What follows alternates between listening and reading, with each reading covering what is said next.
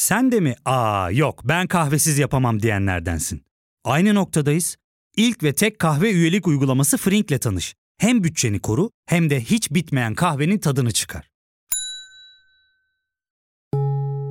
Yakınlarından terapinin onlara ne kadar iyi geldiğini dinlesen de kendin için bir şeylere başlamak zor geliyor olabilir. Ya da sevdiklerine yardım etmeye istekliyken kendi ihtiyaçlarını görebilmek. Hayvel, uzman psikologlarıyla kendi ihtiyaçlarını bulmanda sana destek olacak. Terapi yolculuğuna başlamak için detaylı bilgi bölümün açıklamalarında. Trendspor'dan herkese merhabalar. Bu hafta futbolda Galatasaray, Fenerbahçe ve Beşiktaş Avrupa'da mücadele ettiler ve mağlubiyetsiz kapatmış olduk Avrupa macerasını. Milli takımda Kuntz dönemi kapandı ve Montella dönemi başlıyor. Onun dışında da kadın milli voleybol takımımız kazanmaya devam ediyor. Bunları konuşacağız. Başlıyoruz.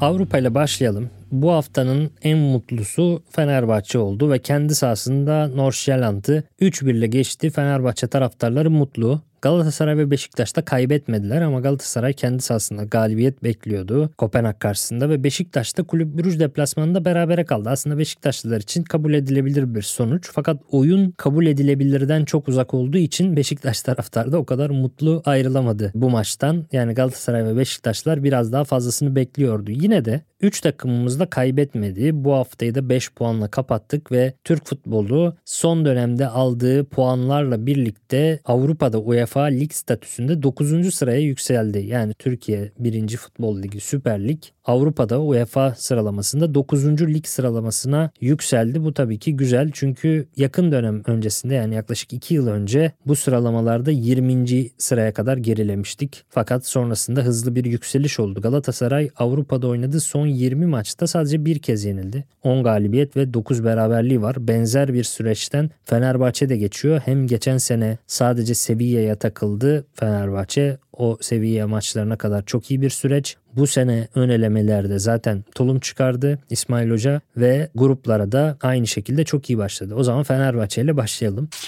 Nordsjælland karşısında 3-1'lik bir galibiyet ve ciddi anlamda rotasyonlu bir kadroyla oynanmış olmasına rağmen net bir galibiyet var. Ama bu rotasyonlu kadro Nordsjælland'ın oyun planına da tam tersi gelen kadro oldu. Yani bir nevi Nordsjælland'a göre en ideal takımı çıkarmış oldu İsmail Hoca. Hem de as oyuncularını da dinlendirmiş oldu. Ceko gibi, Tadic gibi, İrfan Can Kahveci gibi, Şimanski gibi oyuncuları da dinlenmiş oldu. Bekao da aynı şekilde. Bu kadar derin bir rotasyon yaptığı halde Norşalant'a karşı ön alan baskısını şiddetli yapabilen oyuncularını da oynatmış oldu. Onlar işte Batshuayi, King, Kent, Mert Hakan Yandaş ve rotasyona girmeyen belki de tek önemli isim Fred. Bu 5 oyuncu ön alan baskısında oldukça becerikli oyuncular ve Nordsjællands'a da baktığımız zaman tıpkı geçen sene Farioli'nin Süper Lig'de uyguladığı gibi geriden oyun kurmaya çalışan, stoperlerinden ön liberolarıyla top çıkarmaya çalışan bir takım ve bu takıma karşı ön alan baskısı en iyi sonuç veren planlardan biri. Tabii bu taraftarın coşkusuyla da birleşince daha da şiddetli bir sonuç verebiliyor. Daha da etkili olabiliyor. Ve orada tabii ki Fred'in de bu konuda çok üstün bir oyuncu olması da fark yarattı. Bence maçın en iyisi Fred'ti. Ama Fred zaten Premier Lig'de de bu top kapma konusunda zirvedeydi. Yani futbolun zirvesi olan Premier Lig'de top kapma konusunda zirve olan ve Manchester United'dan gelen Fred bu maçta zaten fark yaratır. Yani hele istediği futbol, baskı futbolu oynanınca fark yaratırdı ve ikinci gol öncesinde zaten Fred'in kazandığı top bir de sağ ayağıyla ters ayağıyla asisti yapıyor. Batshuayi de devamında golü atıyor. King, Kent ve Batshuayi ön alan baskısı ilk 30 dakikada gayet iyi başladı. İyi sonuç verdi Fenerbahçe'de. Sadece biraz top kayıpları yaptılar. Top tutmak ve işte Tadic, Ceko gibi servis yapma konusunda eksikleri var tabii ki. O da anormal değil. Yani iyi baskı yapan, iyi fizik kaliteye sahip olan oyuncular bir de yüksek teknik kaliteye sahip olsa zaten Tadic artı Ceko gibi o zaman çok farklı seviyelerde oynuyorlar baskıyı iyi yapan, presi iyi yapan oyuncular ikinci golde sonuç verdi. Onun dışında farkı getiren de hem birinci gol hem üçüncü gol duran top oldu. Duran toplarda tabii ki çok önemli. O yüzden duran toptan da iyi faydalandı Fenerbahçe. Crespo ve Serdar Aziz'in golleriyle. Bu ön alan baskısının dışında tabii bir yandan savunma eşleşmelerinde de Fenerbahçe istediğini aldı. Rakibin en etkili hücum silahlarından kanat oyuncusu Osman. Çok çabuk, hızlı bir driblingçi. Onun karşısında da formda bir Osterwolde vardı. Ferdi'yi dinlendiriyordu Osterwolde de ilk 11 oynadı ve Osterwolde belki hücumda çok yaratıcı bir oyuncu değil. Ferdi gibi oyun kurabilen, çabuk, top taşıma konusunda kabiliyetli belki o kadar teknik melekeleri yüksek bir oyuncu değil. Ama savunma olarak sert, hızlı, güçlü bir oyuncu ve Osman'ın hiç de o hızını kullanmasına izin vermedi. Hem sert oynadı hem hızlı, güçlü, dayanıklı bir oyun ortaya koydu ve tıpkı Bright Osei Samuel'de olduğu gibi birebirlerde ikili mücadelelerde güçlü bir back performansı da ondan geldi. Tabi Osterwolde bir yandan şunu da sağlıyor size.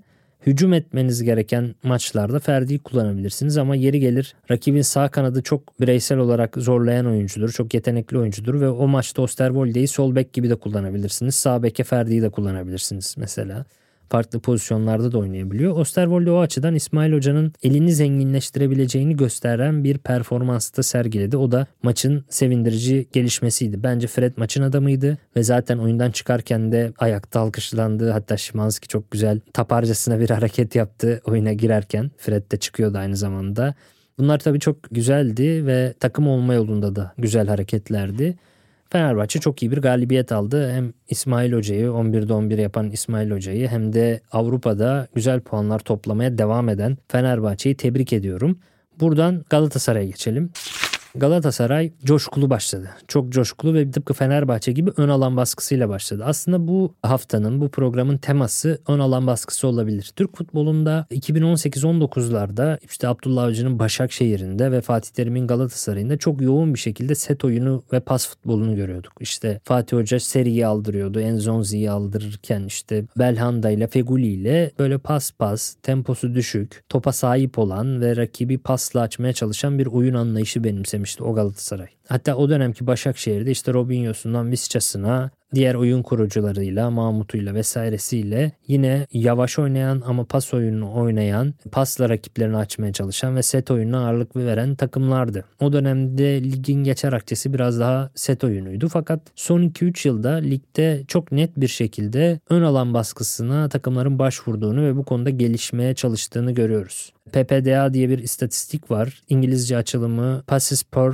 Defensive Action yani bir defansif aksiyon yapmadan önce rakibinizin kaç pasına izin verdiğinizin istatistiği. Yani atıyorum 8 pasa izin veriyorsunuz topu kapmadan önce rakibinizden veya 10 pasa izin veriyorsunuz gibi bir istatistik. Ne kadar agresif baskı yaptığınızı gösteren bir istatistik.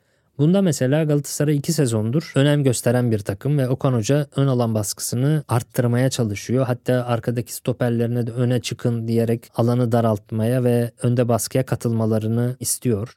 Hatta bu konuda basın toplantısında da açıklamalarda bulundu ve bazı oyuncularımız geri kaçıyor dedi. İsim vermeden Nelson'u da eleştirdi. Özellikle iki maçtır benden uzak olan yerde takım savunmasının yani arkaya doğru zaman zaman kaçmasını görüyorum. Biz geride oynayacak, oyunu geride kabul edecek bir takım değiliz. Bunu yapmak istemiyorum zaten. Yani bizi önde oynamaktan eksiltecek oyuncu olursa zaten bununla ilgili değişikliğimiz olur. Bu konuda tabii Galatasaray ligde de zirvede 7.6 Opta'nın verisine göre maç başına rakibine izin verdiği pas sayısı bir savunma hamlesi yapmadan önce ortalama 7.6 pas yapıyor Galatasaray'ın rakipleri ve bu konuda Galatasaray rakiplerini en dizginleyen takım. Bunu Şampiyonlar Ligi'nde de yapmak istedi Galatasaray ve 30 dakikaya ciddi anlamda baskılı başladı. Dikkat edin bütün pozisyonları. İlk 38 dakika boyunca Galatasaray'ın 7-8 tane net pozisyonu var. Bir tanesi offside nedeniyle durdu ama o pozisyon gol olsaydı yani VAR'a gitmek zorunda kalsaydı offside olmama ihtimali var. Maçın henüz ikinci dakikasındaki pozisyondan bahsediyorum. O pozisyonla birlikte 8 tane net pozisyonu var Galatasaray'ın 38 dakika içinde. Ama bu pozisyonların tamamı ya kontrada geçiş oyununda Kerem'in arkaya bıraktığı toplar iki tanesi öyle bir tanesi de Torreira'nın Mertens'e kaçırdığıydı öyle. Yani 8 pozisyonun 3'ü hızlı atak ve arkaya top kaçırma.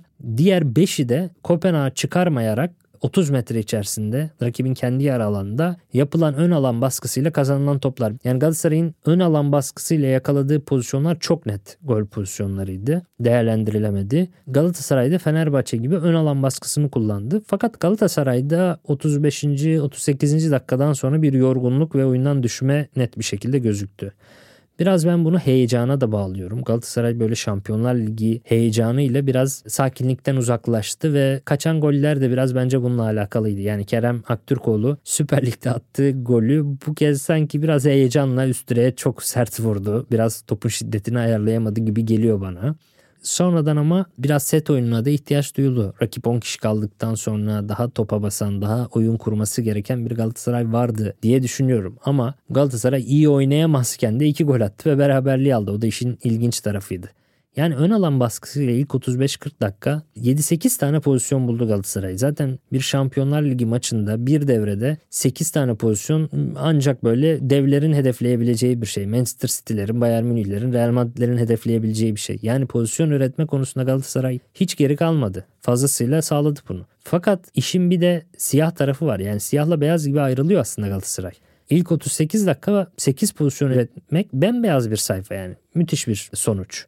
Fakat 38. dakikadan yani golü de 33'te yiyor Galatasaray. Golü yedikten sonra iki tane Mertens pozisyonu var. Biri kafayla biri de ıskalıyor. Onlar da iyi gayet iyi pozisyonlar. Ama ondan sonra bir durulma var. 38. dakikadan Sasha Boy ilk golü atana kadar yani tam 86. dakikaya kadar büyük bir boşlukta yani maçın yarısından çoğunda Galatasaray hiçbir şey üretemiyor ve hiç pozisyon bulamıyor. Burada bence yorgunluk devreye giriyor ciddi anlamda. O baskıyı Galatasaray yapıyor ama onu 90 dakikaya yayabilecek dayanıklılıktan çok uzak. Çünkü çoğu oyuncusu hiç hazır değil. İlk yarıdaki 8 pozisyonun tamamı presi yapan, topu kapan, pası atan, şutu atan. 4 aksiyonun tamamında 4 futbolcu var. 4'ü de geçen senenin futbolcusu. Mertens, Kerem, Torreira, Icardi. Ziye 8 pozisyonun hiçbir yerinde yok. Ne topun kazanılmasında ne presinde veya başka isimler. O 8 pozisyondan ilk 38 dakikadan bahsediyorum. Kerem Demirbay da yok. Yeniler henüz hazır değil. Kerem Demirbay mesela çok iyi bir Samsun Spor maçı oynadı ama ilk 45 dakika çok iyi oynadı. İkinci yarı düştü Samsun Spor maçında. Yoruldu düştü. Bu maçta ikinci yarıda ciddi anlamda yoruldu düştü. Kerem Demirbay dahi Bundesliga'dan gelmiş fizik kalitesi olan bir oyuncu olarak o dahi dayanıklılık adına 90 dakika çıkarabilecek durumda değil, hazır değil. İkinci yarı düşüyor. Zaha hazır değil. Ziye hazır değil. Birçok Galatasaray'ın yeni transferi hazır olmaktan uzak o yüzden Galatasaray'da 38. dakikadan sonra düştü. Fenerbahçe'nin de düştüğü bir bölüm var 15-20 dakika ama Fenerbahçe 3-0'ı bulduktan sonra düştü yani. ikinci yarı 3-0 bulduktan sonra 55 ile 70 arası veya 50 ile 70 arası bir 15-20 dakika düştü ama bu hem skorla ilgili bir şey hem de golü yedi. 3-1 oldu. 3-1'den sonra değişiklikler yaptı. Tekrar toparladı son 20 dakikayı. Fakat Galatasaray'da öyle olmadı. Galatasaray'da çok çok iyi bir başlangıç ama sonra dengeleyemedi oyunu. Topa basma, sakinleşme gibi konularda Galatasaray'ın eksikleri var. Bu konularda da önümüzdeki hafta gelişmesi gerekiyor Galatasaray'ın. Ön alan baskısı iyi ama oyunu kurmak, seti kurmak da gerekiyor bir yerden sonra. O konularda da oldukça kötü bir Galatasaray vardı. Ama her iki takım hem Fenerbahçe hem Galatasaray ön alan baskısını çok zorladı. Geçen sene de Okan Buruk ön alan baskısını öncüllüyordu ve Jorge Jesus da öncüllüyordu. Yani o 2019'larda 18'lerde set oyununu öncelleyen Türk futbolunda Süper Lig'de dev takımlarda bu kez son iki yılda ön alan baskısının çok daha önem arz ettiğini görüyoruz ve Avrupa maçlarında da bunu kullandı hem Fenerbahçe hem Galatasaray. Beşiktaş'a geçmeden önce kısa bir ara verelim. Döndüğümüzde de devam edelim. Ya fark ettin mi? Biz en çok kahveye para harcıyoruz. Yok abi, bundan sonra günde bir. Aa, sen Frink kullanmıyor musun? Nasıl yani? Yani kahvenden kısmına gerek yok. Frink'e üye olursan aylık sadece 1200 TL'ye istediğin çeşit kahveyi istediğin kadar içebilirsin. Günlük 40 TL'ye sınırsız kahve mi yani? Çok iyiymiş. Aynen. Hatta şu anda 200 TL'lik bir indirim kodu da var. E hadi hemen indirip üye ol da bu fırsatı kaçırma. Terapiye başlamak, içinden çıkamadığın döngüleri kırmak, bazı yanlış bulduğun kararlarını değiştirmek ve kendinle beraber daha huzurlu bir yaşam inşa etmek için atabileceğin en değerli adımlardan biri.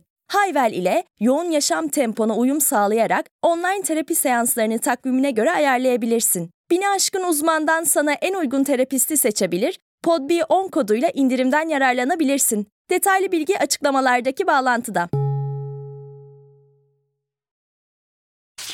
Beşiktaş biraz ayrı bir durumda yer alıyordu Fenerbahçe ve Galatasaray'dan. Rakibine diş geçirmekten çok uzaktı Beşiktaş. Ve Kulüp Brüj gerçekten iyi bir takım. Çok da iyi oynadılar. Ama Beşiktaş da rakibine karşı hiç direnemedi. Gerçi Kulüp Brugge'ü daha yakın takip eden arkadaşlarım Kulüp Brugge'de daha fazlasının olduğunu ve Beşiktaş karşısında çok da iyi oynamadığını da iddia ediyor. Öyle şeyler diyenler de var. Bilmiyorum. Eğer öyleyse daha kötü. Kulüp Brugge çünkü sürklase etti. Çok pozisyon buldu. Yani bir gol attı ama iki topu direkten döndü ve Mert Günok'un tam 8 tane kurtarışı var. XG'lere de yansıyor tabii bu durum. Kulüp Brugge'un 3'ü geçen XG'si söz konusu. Şanslıydık, çok şanslıydık. Mert Günok çok iyi oynadı. Savunmada sadece Bailey ayakta kalabildi. Amarty, Masuaku, Rozier delik deşik oldu. Bazı oyuncular çok yorgun gözüküyordu. Abu Bakar mesela, Rozier mesela. Amir aynı şekilde, Raşitsa aynı şekilde ve bu oyuncuların hiçbirinin rotasyona girememesi de Beşiktaş'ın en temel sorunu. Yani Fenerbahçe'den bahsederken nasıl takımın yarısından çoğunun bir sürü as oyuncunun bu maçta oynamayıp nasıl takımın üst düzey bir performans sergilediğini söylüyorsak Beşiktaş da bu sezon başından beri bir türlü gerçekleşemiyor.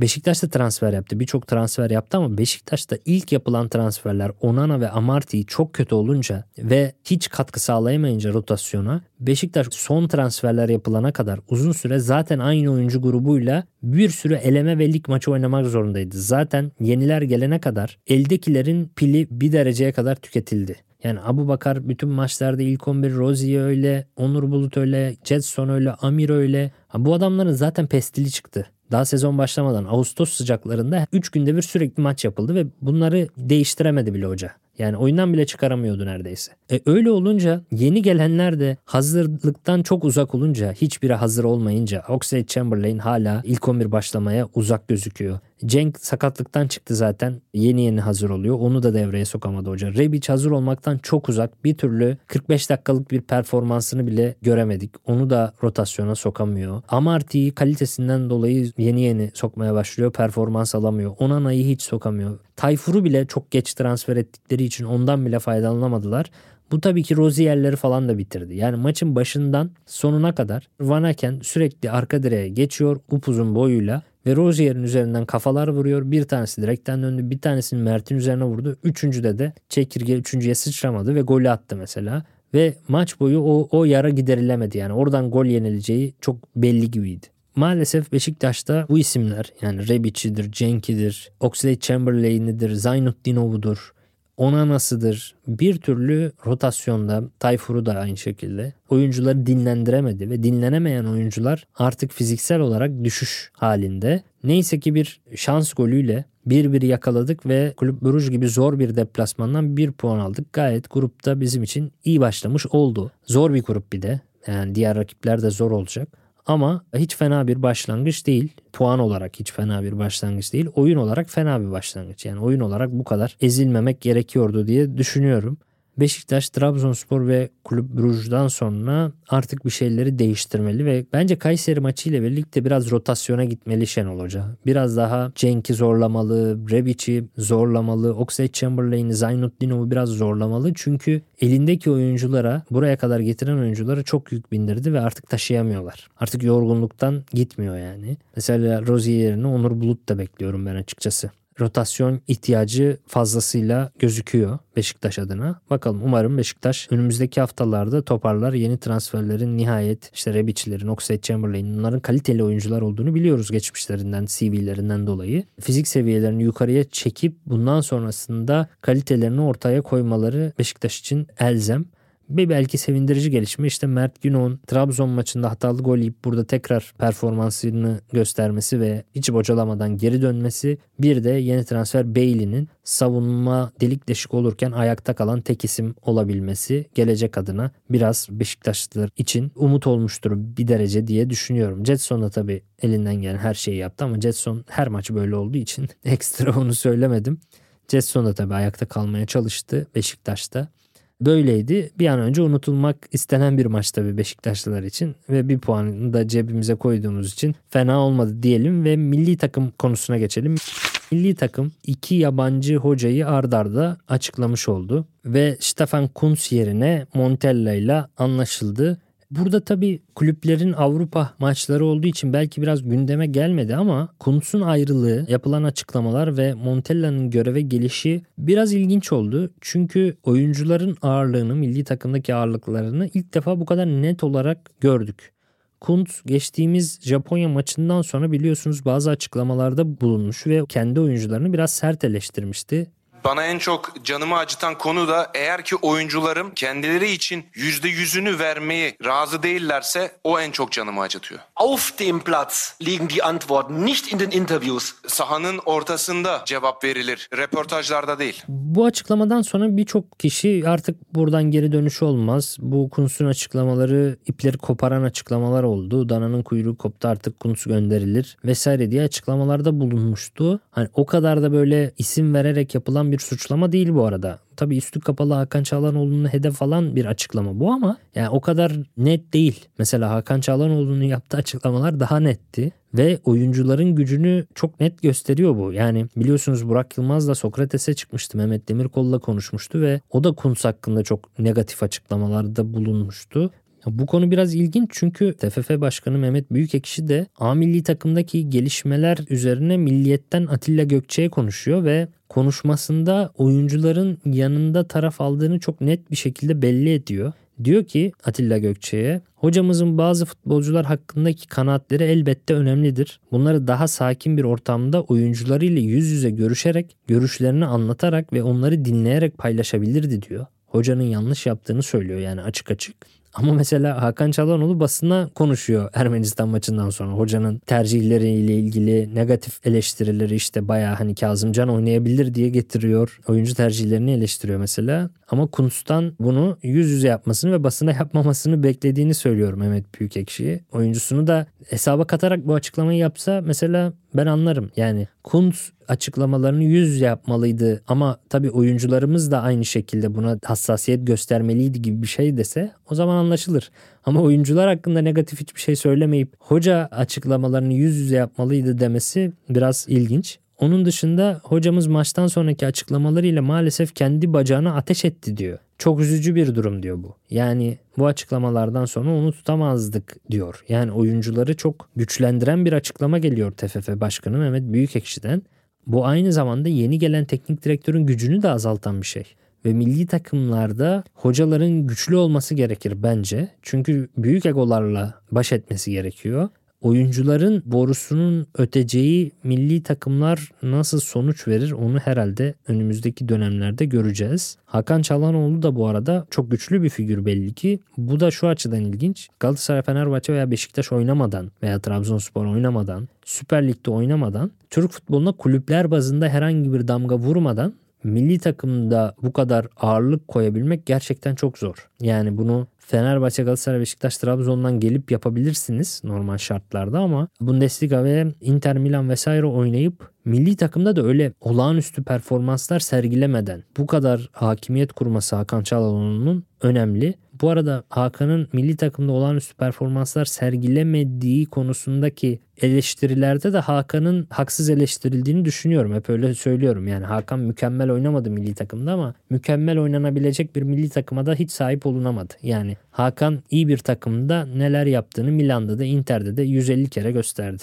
Hani burada Hakan performans veremiyor diye yapılan eleştirilerde de biraz haksızlık edildiğini düşünüyorum açıkçası. Çünkü Hakan'ın oyun aklına erişebilen takım arkadaşı yok milli takımda veya çok az var. O yüzden Hakan biraz cebelleşiyor. Hakan bir oyun kurucu. Bir oyun kurucunun tek başına zayıf bir takımda, organizasyonu zayıf bir takımda şov yapmasını beklemek futbol adına hiç gerçekçi değil. Hakan Çalhanoğlu Ronaldinho gibi bireysel yetenek değil. Messi modeli bir bireysel yetenek değil üstün bir bireysel yetenek çok zayıf bir takımı bile olmadık maçlarda galibiyete götürebilir. Beklenmedik pozitif sonuçlar alabilir. Tek başına goller veya asistler çıkarabilir. Üstün yetenekli kenar oyuncuları, forvet oyuncuları, on numaralar. Ama Hakan Çalhanoğlu öyle bir oyuncu değil zaten. Mesela Hakan'ı geçelim. İlkay Gündoğan da Türk milli takımını seçmiş olsa Hakan Çalhanoğlu'ndan çok fazlasını yapamazdı. Farklı bir şey yapamazdı. Çünkü Manchester City'de oynamak başka, Barcelona'da oynamak başka. Daha sizin verdiğiniz pası algılayamayan veya siz kendinizi boşa çıkardığınız zaman sizi göremeyen oyuncularla oynamak başka bir şey. O yüzden Hakan'dan beklenti haksız bir beklentiydi. Çünkü Hakan'dır, İlkay'dır vesairedir. Bunlar bahsettiğim gibi bireysel yetenek kenar oyuncuları değil. Neymar modeli kenar oyuncuları değil. Benzer sorunu mesela Lewandowski de Polonya'da yaşıyor. Yani doğru pasları alamazsa veya Lewandowski sırtı dönük pası indirmesi gereken yere arka direk koşusunu takım arkadaşı yapabilecek kabiliyette değilse o zaman Lewandowski ne yapabilir yani? Dünya Kupası'nda da Lewandowski golünü attı gerçi falan ama yani çok fazlasını yapamadı. Çünkü takım oyuncusu o tip oyuncular, beyin oyuncuları ve o beyine yanındakilerin de eşlik etmesi gerekiyor. Hakan'da bence böyle bir problem yaşanıyor başından beri. Yeri gelmişken söyleyeyim dedim. Ama böyle bir hakimiyete milli takımda sahip olması da ne kadar doğru ne kadar değil. Önümüzdeki dönemlerde bunu Montella döneminde de göreceğiz diye tahmin ediyorum.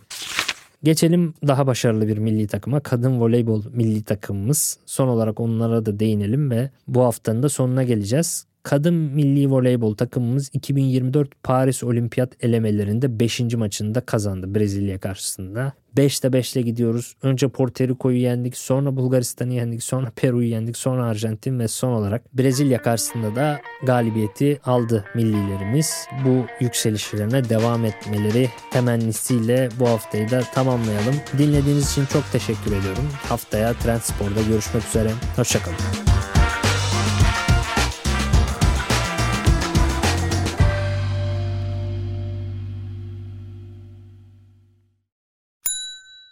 İlk ve tek kahve üyelik uygulaması Frink, 46 ildeki 500'den fazla noktada seni bekliyor. Açıklamadaki kodu girerek sana özel 200 TL'lik indirimden faydalanmayı unutma. Hadi sen de Frink üyeliğini başlat, kahven hiç bitmesin. Hem bugününe hem yarınına katacaklarıyla terapi yolculuğuna ve daha iyi hissetmeye bugün Hayvel ile başla. Açıklamadaki linkten Hayvel'i indir, ücretsiz tanışma görüşmelerinin ardından bütçene uygun seans paketini seç ve terapi yolculuğuna başla.